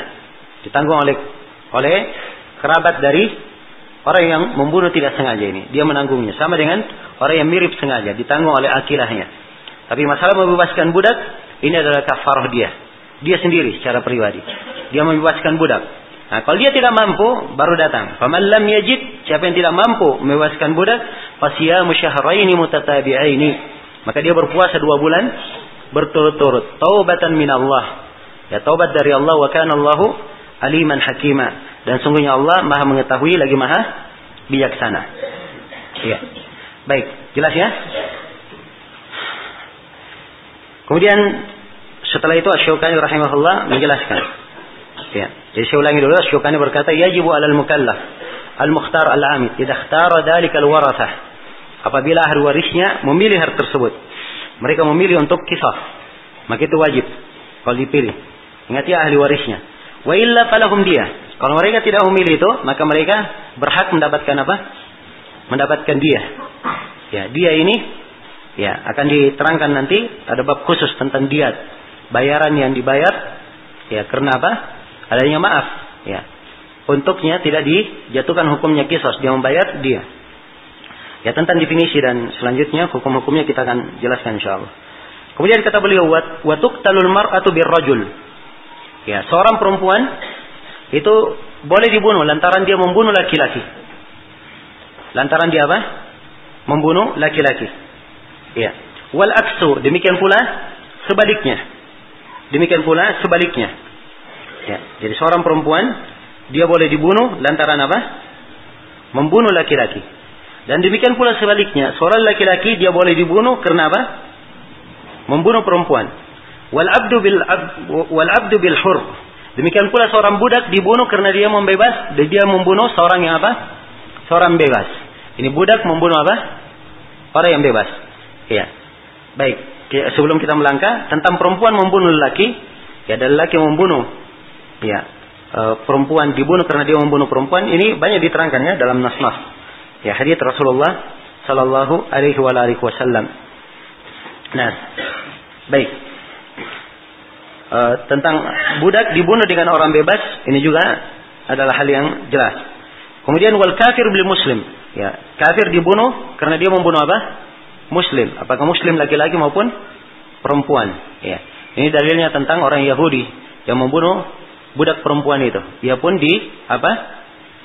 Ya, Yahudi ini pun karena dia membunuh, dia pecahkan kepalanya antara dua batu, maka Yahudi ini pun dipecahkan kepalanya antara apa?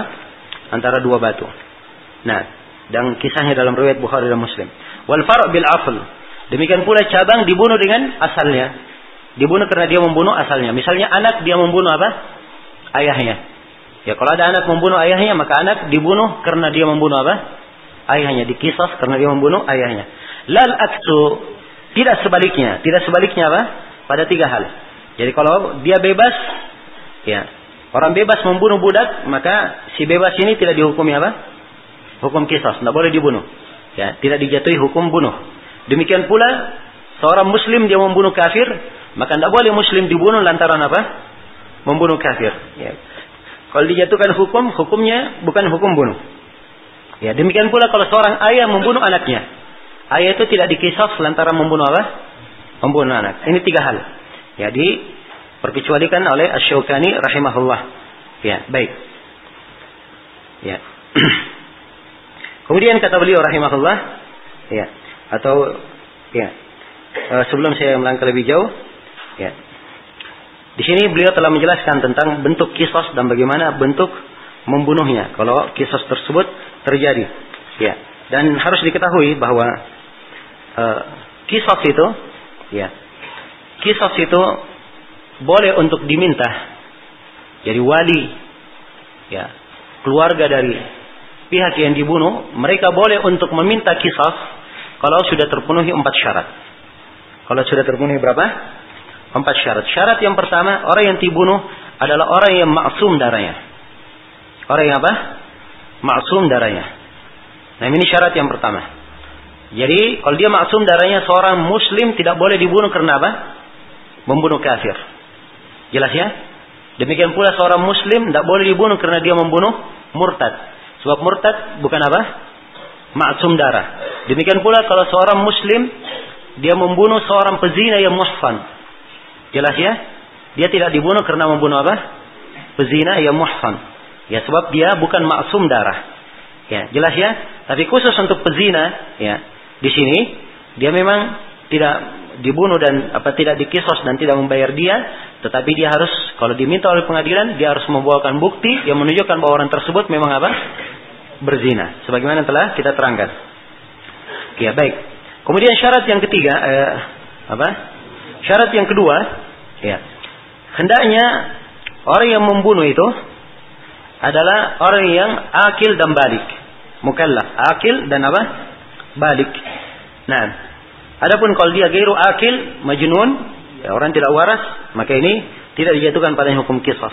Demikian pula anak kecil tidak dijatuhkan padanya hukum kisah. Ya. Dan ini dalil-dalilnya jelas. Kemudian yang ketiga disyaratkan harus ada mukafah. Ya. Harus sama mukafah antara apa? Yang dibunuh dan yang membunuh. Dari sisi apa? Eh, dia ada mukafah antara yang membunuh dan yang dibunuh ya pada saat dia membunuh. Ya, dan al-kafa'ah itu di dalam agama dan di dalam apa? Al-hurriyah. Ya. Jadi dia sama-sama muslim. Muslim membunuh muslim. Bebas membunuh bebas. Ya jelas ya?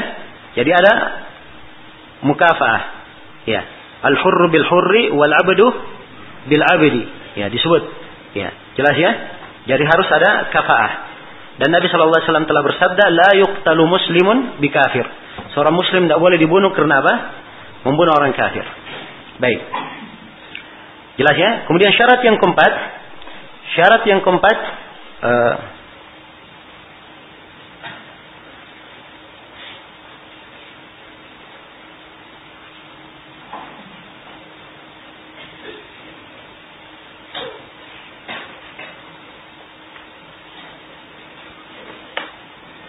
Ya. Baik syarat yang keempat disyaratkan tidak ada apa? wiladah, tidak ada hubungan uh, apa hubungan kelahiran, tidak ada hubungan kelahiran. Ya, ini yang tadi yang kita maksudkan bahwa seorang ayah dia tidak dibunuh karena membunuh apa? Karena membunuh anaknya ke bawah. Kalau dia membunuh anaknya, cucunya, cicitnya, maka dia tidak apa? Tidak dibunuh karenanya. Dia tidak dibunuh karenanya. Nah, Jelas ya? Baik ini empat syarat. Apabila empat syarat ini terpenuhi, maka para wali orang yang dibunuh itu berhak untuk meminta apa? Meminta kisah. Itulah yang disebut dalam Al-Quran. Walakum fil kisasi hayatun ya ulul albab. Dan untuk kalian ada kisah dalam kehidupan ya ulul albab. Ya perhatikan ya bagaimana hukum kisah ini. Subhanallah. Ya jadi kisah ini pertama dilihat dulu.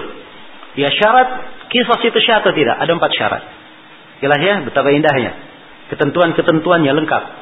Setelah mungkin setelah dia diizinkan meminta kisah, maka begitu dia meminta kisah, maka di sini disyaratkan tiga syarat lain.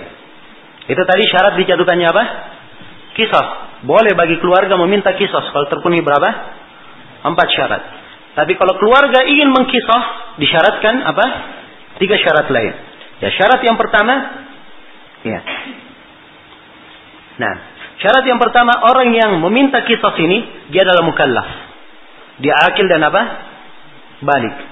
Ya.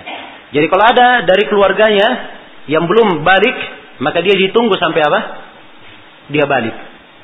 Ditunggu sampai apa? Dia balik. Misalnya seorang terbunuh. Ya. Yang berhak terhadap darahnya, ya, untuk menuntut darahnya ada beberapa orang. Ada dua anak kecil dan ada lima dewasa misalnya. Ya, maka dua anak kecil ini harus ditunggu sampai dia balik. Jelas ya?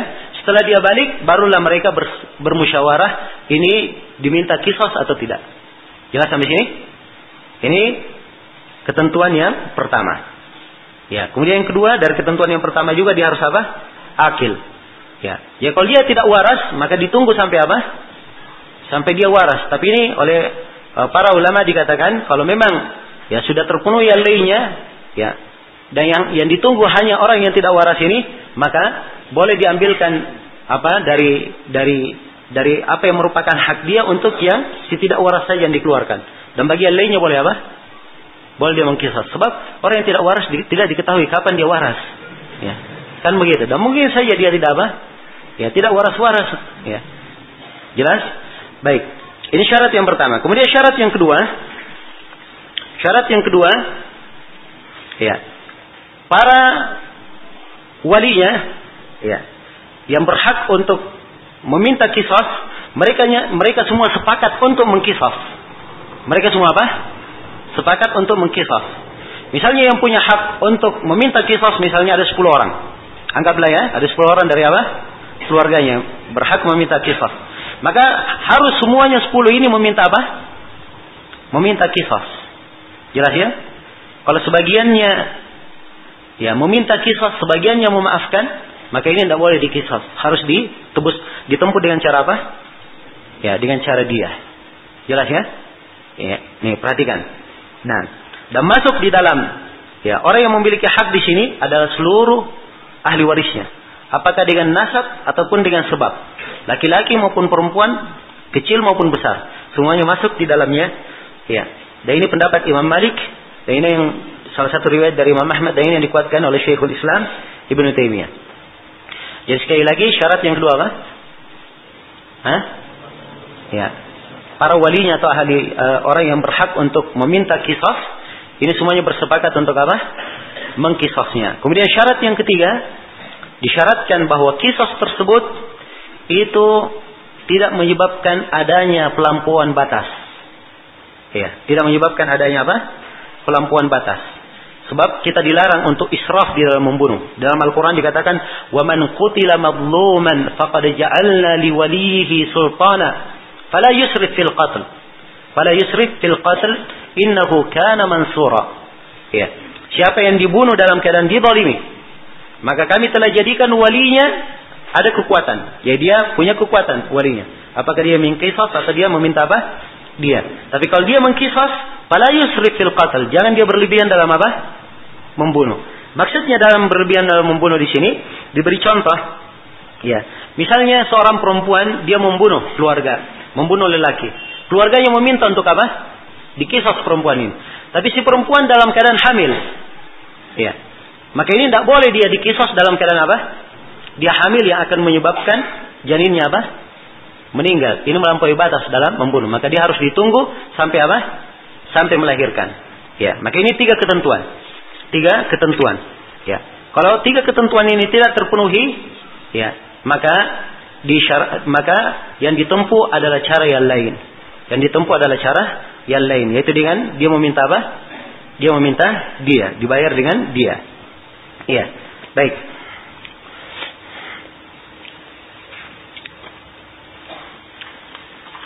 Kemudian Syaukani rahimahullah taala berkata, "Wa yathbutul qisasu fil a'dha." Ya, wa nahwiha wal. Dan kisah itu syah pada anggota-anggota tubuh dan semisalnya. Demikian pula pada luka-luka. Ya sesuai dengan kemungkinan. Ya ini dalilnya ya. Wa katabna alaihim, kami tetapkan atas mereka jiwa dikisos dengan jiwa. Jiwa dikisos lantaran dia membunuh apa? Jiwa. Kisos dengan mata lantaran dia ya apa? Juga berbuat pelampauan batas terhadap mata. Ya, jadi mata dengan mata, hidung dengan hidung, telinga dengan telinga, gigi dengan gigi, dan demikian pula luka dikisos dengan apa? Dengan luka. Ya, jelas ya? Ini dalil apa yang disebutkan oleh Asy-Syaukani rahimahullahu taala. Nah, tapi para ulama di sini mensyaratkan untuk kisos pada apa anggota-anggota tubuh ini dan luka, mereka syaratkan beberapa syarat. Ya, syarat yang pertama ya. Syarat yang pertama pada anggota tubuh yang bisa dikisos disyaratkan anggota tubuh itu kalau dikisos dengannya maka tidak dikhawatirkan dia menjadi apa? Menjadi busuk atau menjadi bangkai. Ya. Jadi kalau misalnya dipotong tangannya akan mengakibatkan ya misalnya dia memotong tangan orang. Kemudian tangannya kalau dipotong maka akan mengakibatkan apa namanya? Ini e, menyebabkan apa menjalur ke menjalar ke tempat yang lainnya juga menjadi menjadi rusak, maka ini tidak diperbolehkan. Ya tidak dengan cara apa? Dikisos, tapi dia membayar dia nantinya. Dia mengambil dia dari itu. Baik. Demikian pula misalnya kalau apa dia e, mematahkan tulang, ya dia mematahkan tulang orang, maka ini tentunya tidak bisa dikisos dengan cara dipatahkan juga tulangnya.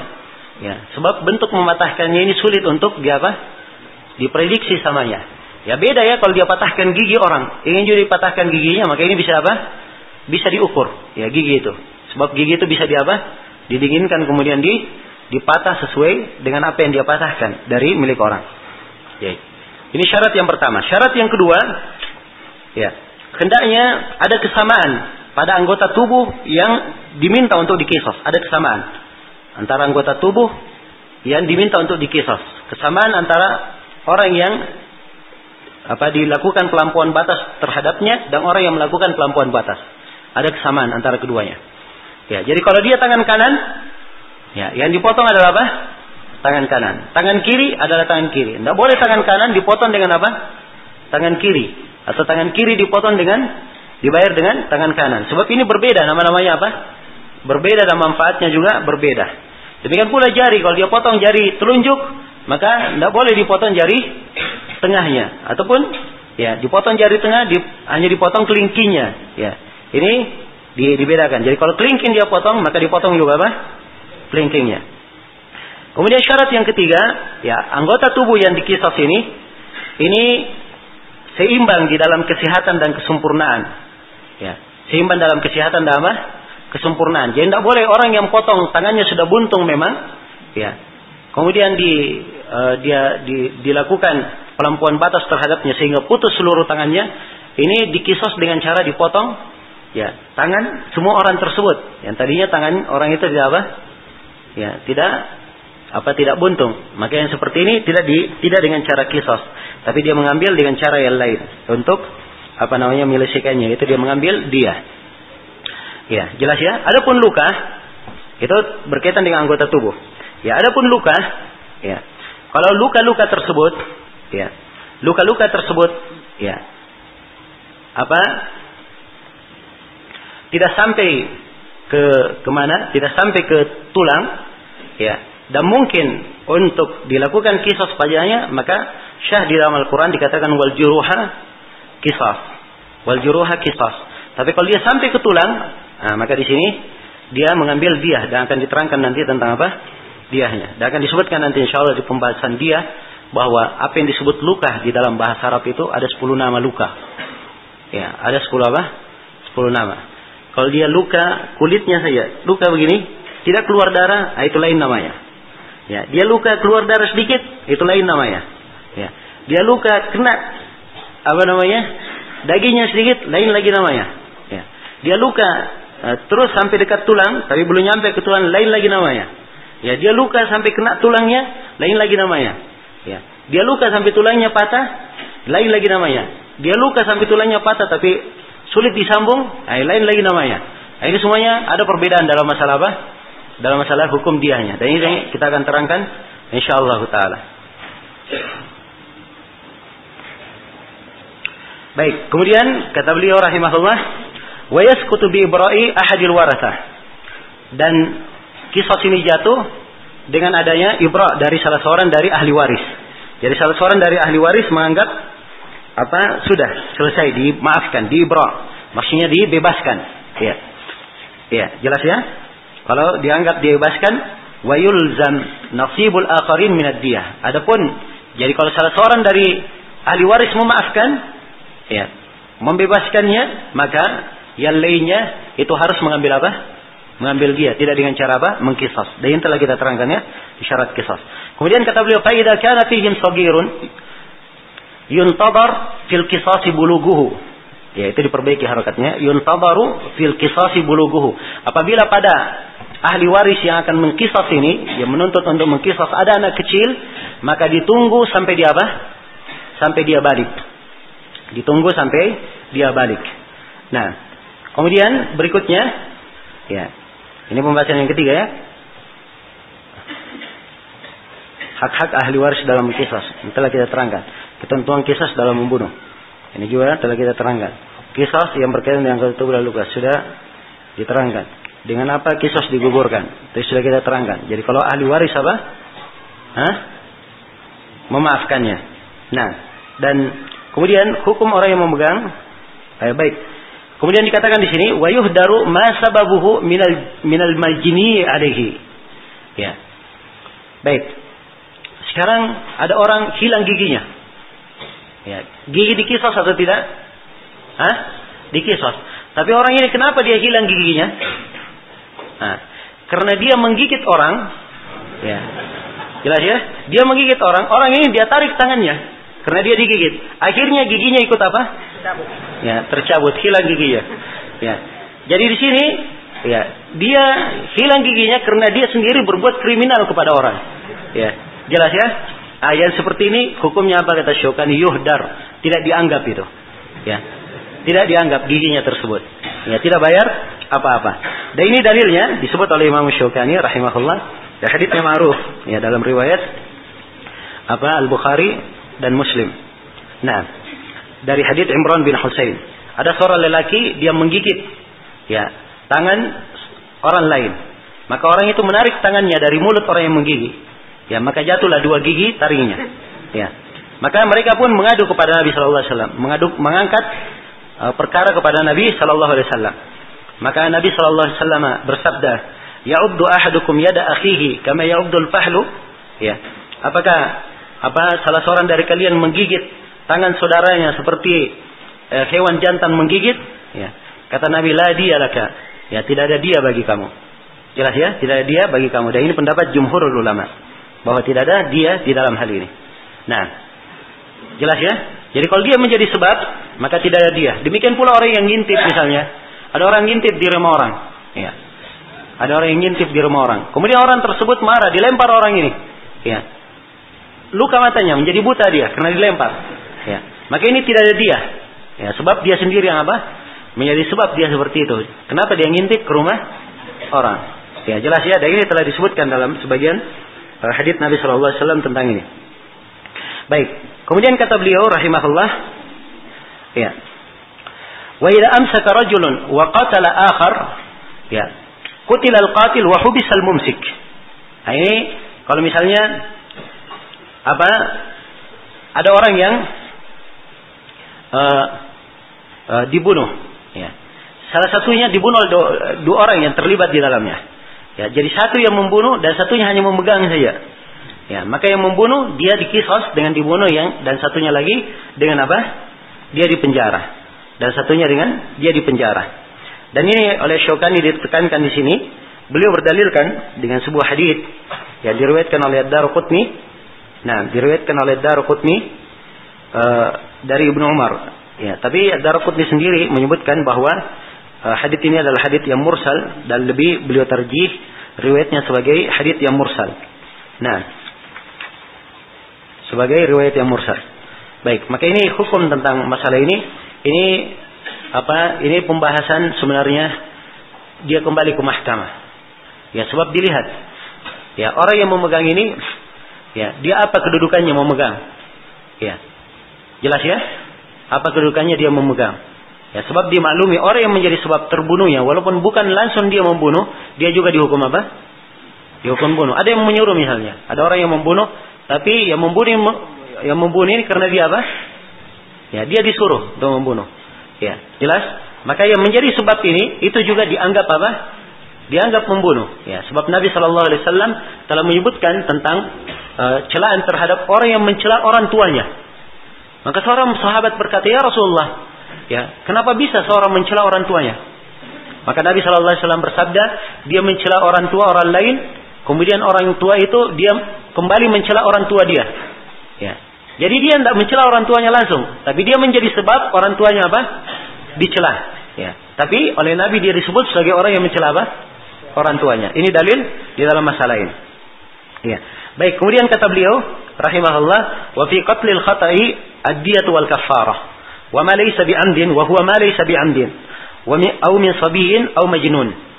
Nah, kata beliau dan di dalam membunuh al-khata' Ya, dan di dalam membunuh salah itu membayar dia dan ada kafarah. Ya, kalau dia membunuh tidak sengaja, maka ada dia dan ada apa? Ada kafarah. Ya, jelas ya. Jadi itu urutannya. Ya. Sekarang kita ada tiga jenis membunuh. Yang pertama membunuh apa? Sengaja. Membunuh sengaja ini dikisos atau dia apa? Membayar apa? Membayar dia. Baik. Kemudian yang kedua dia membunuh apa? Mirip sengaja. Maka ini dia bayar dia dan membayar apa? Membayar kafarah. Ya. Kalau dia membunuh tidak sengaja maka dia apa? Ya. Hah? membunuh tidak sengaja. Maka dia bayar dia dan bayar kafarah juga. Ya. Sama ya dengan yang mirip sengaja. Perbedaannya apa? Kalau mirip sengaja, kalau misalnya dia tadi, dia bagi orang yang tidak sengaja 100 ekor onta biasa, ya, 100 ekor onta semuanya betina, maka untuk dia orang yang membunuh mirip sengaja 40 dari 100 itu disyaratkan semuanya harus apa? Harus hamil. Ya, ini perbedaannya. Baik ya? Kemudian kata beliau, huwa ma laysa Ini untuk orang yang tidak membunuh ant. Ya. Au min sabiyin. Ya, atau dari anak kecil, au majnun atau dari apa? orang gila. Nah, ini tentang masalah dia tetap padanya ada dia. Ya, di uh, uh, di di dalam menetapkan dia ya maksud saya telah kita terangkan uh, ketentuan dan syarat-syarat di dalam penetapan dia ini. Kemudian siapa yang menanggung dia ini? Ini pembahasan yang terakhir diterangkan. Kata beliau wahia alal akilah wahum al asabah. Dan dia ini ditanggung terhadap akilahnya.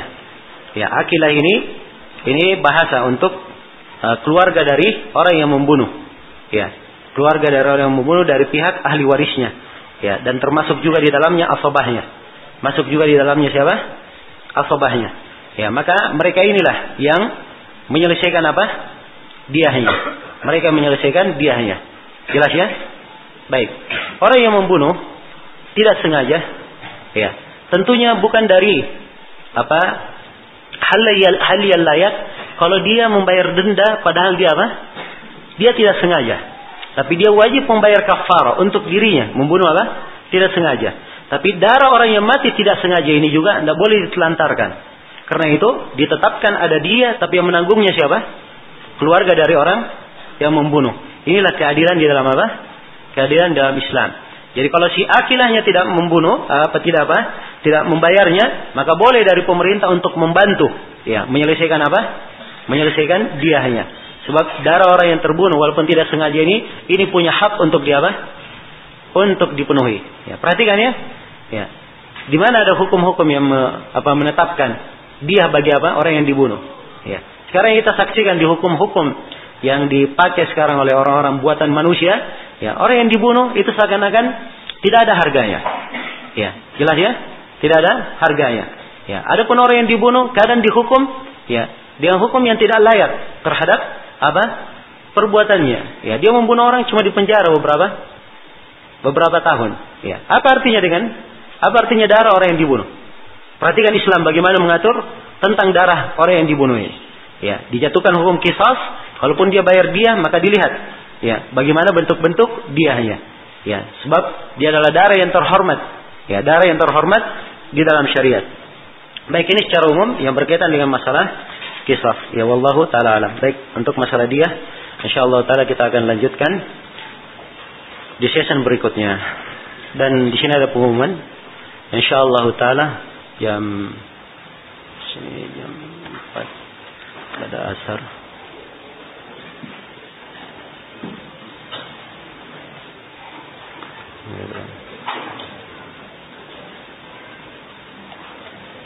Tiga. Ya, mungkin sekitar jam jam setengah sembilan atau jam sembilan. Ya, insya Allah taala ada apa tausia dari uh, Syekh Zaid bin Muhammad bin Hadi Al Madakhali. Ya, hafizahullah taala. Ya, juga melalui telepon. Dan beliau ini juga salah seorang ulama besar kita di masa ini. Ya. Hafizahullah. Beliau sekarang tinggal di daerah Famitah. Ya. Dekat dari tempat Syekh Ahmad An-Najmi dahulu ya rahimahullah. Nah, dan Syekh Zaid ini dikenal oleh apa kalangan para ulama. Semuanya mengenal beliau, ulama besarnya maupun ulama mudanya ya. Semuanya mengenal beliau sebagai seorang alim ulama besar ya rahimahullah. Sampai pernah uh, dalam sebuah kegiatan Menteri Agama ke wilayah Jizan dan waktu itu berjumpa dengan Syekh Zaid. Maka Menteri Agama berkata beliau ini adalah salah seorang dari ulama besar kita di negeri ini. Nah, jelas ya? Baik. Dan ini adalah kesempatan yang baik insya Allah. Ya kita sudah membuat apa namanya janji dengan beliau. Ya, mudah-mudahan tidak ada halangan. Ya dan semuanya berjalan dengan lancar. Ya dan kemarin juga semuanya sudah kita format hal-hal yang kita inginkan berjalan tapi ya kalau ada halangan ya ya itu semuanya di luar kemampuan kita. Tapi kita berusaha semaksimal mungkin ya sesuai dengan uh, waktunya. Sebab waktunya pada asar waktu di sana.